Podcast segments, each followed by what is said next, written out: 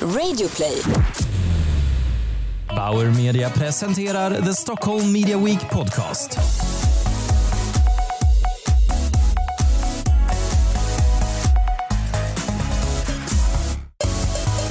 Hej igen och välkommen till eh, Stockholm Media Weeks podcast som vi producerar tillsammans med Bauer Media.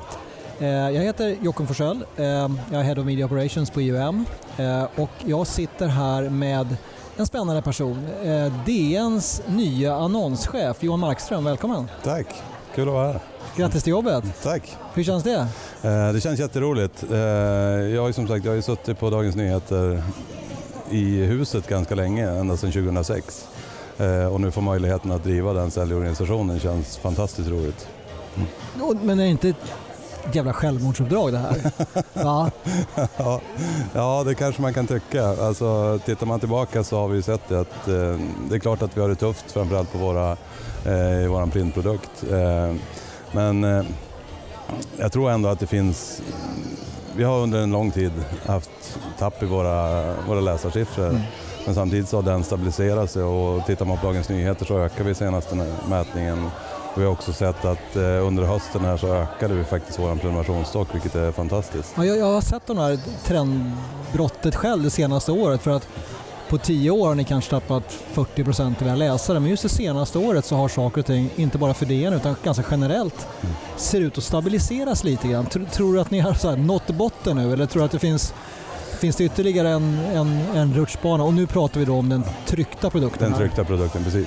Alltså, jag, jag tror ju tyvärr inte att vi har nått botten eh, i det här. Det vi ser det här det är att vi ser en, en, också en överflyttning till de digitala produkterna eh, och även läsare som, som byter från, från papperstidningen till den digitala produkten.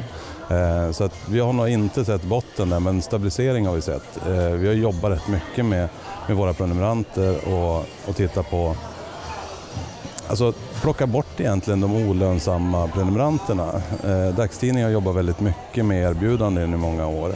Eh, det försöker vi inte göra i samma utsträckning idag. Eh, för de ser vi också, de läser inte tidningen. Alltså har du en prenumeration för 49 kronor eh, i månaden, då läser du inte i samma utsträckning som om du betalar 5 000 kronor på ett helår. Fast du får ett huvud till att sälja annonser på. Det får jag givetvis. Eh, Det är lite grann två olika affärer. Ja, att, jag eh, förstår det. De, de rimmar inte alltid. Hur stora, är- hur stora är de jämförelsevis? Eh, Jag skulle säga nu, nu har jag som sagt jag har suttit på den här platsen i tre veckor. Men jag skulle nog säga att våra, eller våra prenumerationsintäkter är större idag än annonsintäkterna. Det är de. Mycket på grund av den digitala utvecklingen. Digitala prenumeranter. Och hur ser briefen ut till dig eller vad, vad är i dina tankar? Hur ska man stoppa det här? Nu har, nu har ju nedgången mattats av en del Mm. men vi ser ju fortfarande nedgångar och då kanske framförallt för storstadspressen, det vill säga DNG, Ja. DNGP Sydsvenskan väldigt mycket. Ja. När landsortspressen står sig lite starkare.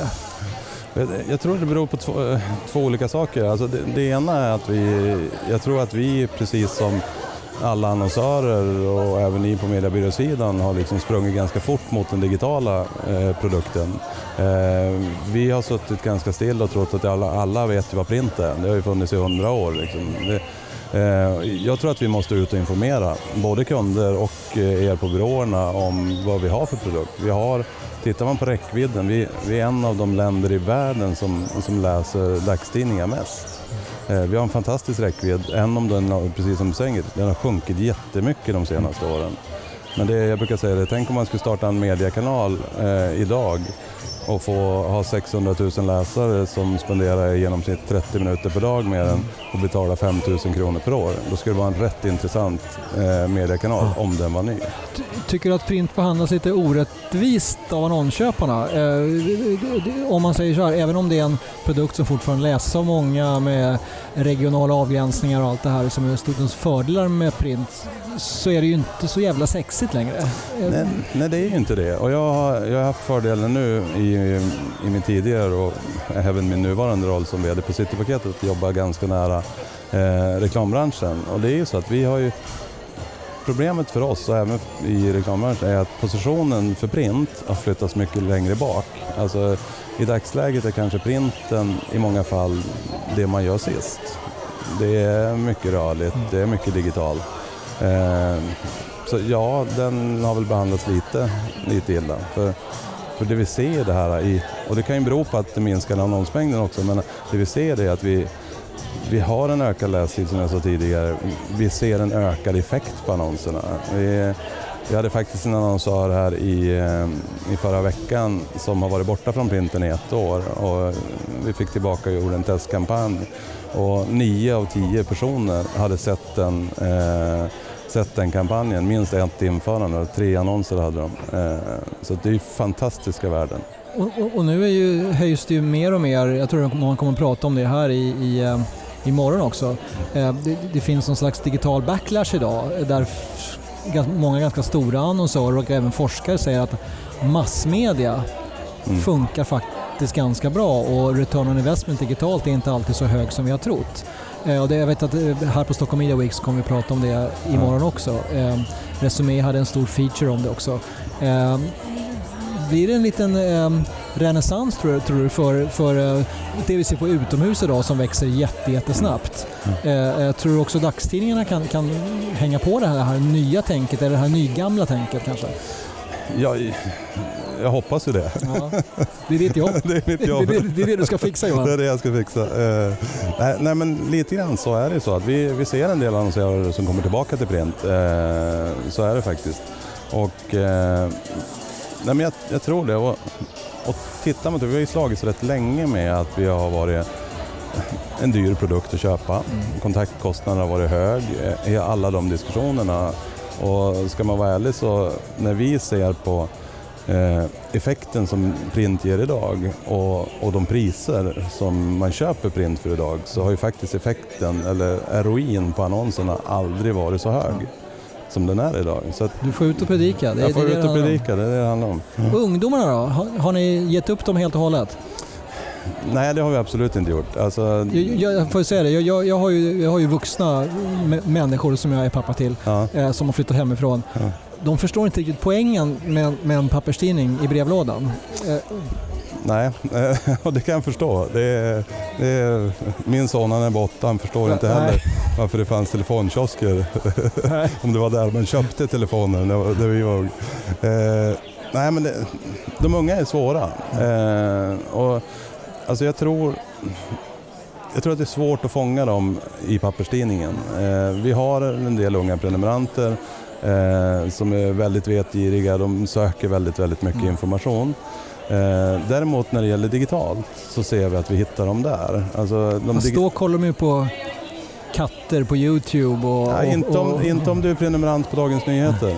Eh, Är alltså- folk villiga att betala för en en prenumeration? Ja, det måste jag säga. Och, och där är ju vi bäst i klassen. Alltså vi har i dagsläget över 120 000 rena digitala prenumeranter. Mm. Och, och det är rätt kul för att jag tittade på siffror eh, ganska nyligen och, och se där att de unga, om vi klassar de unga någonstans mellan 16 till 25, eh, så har ju de redan nu i vissa åldersgrupper gått om papperstidningen Mm.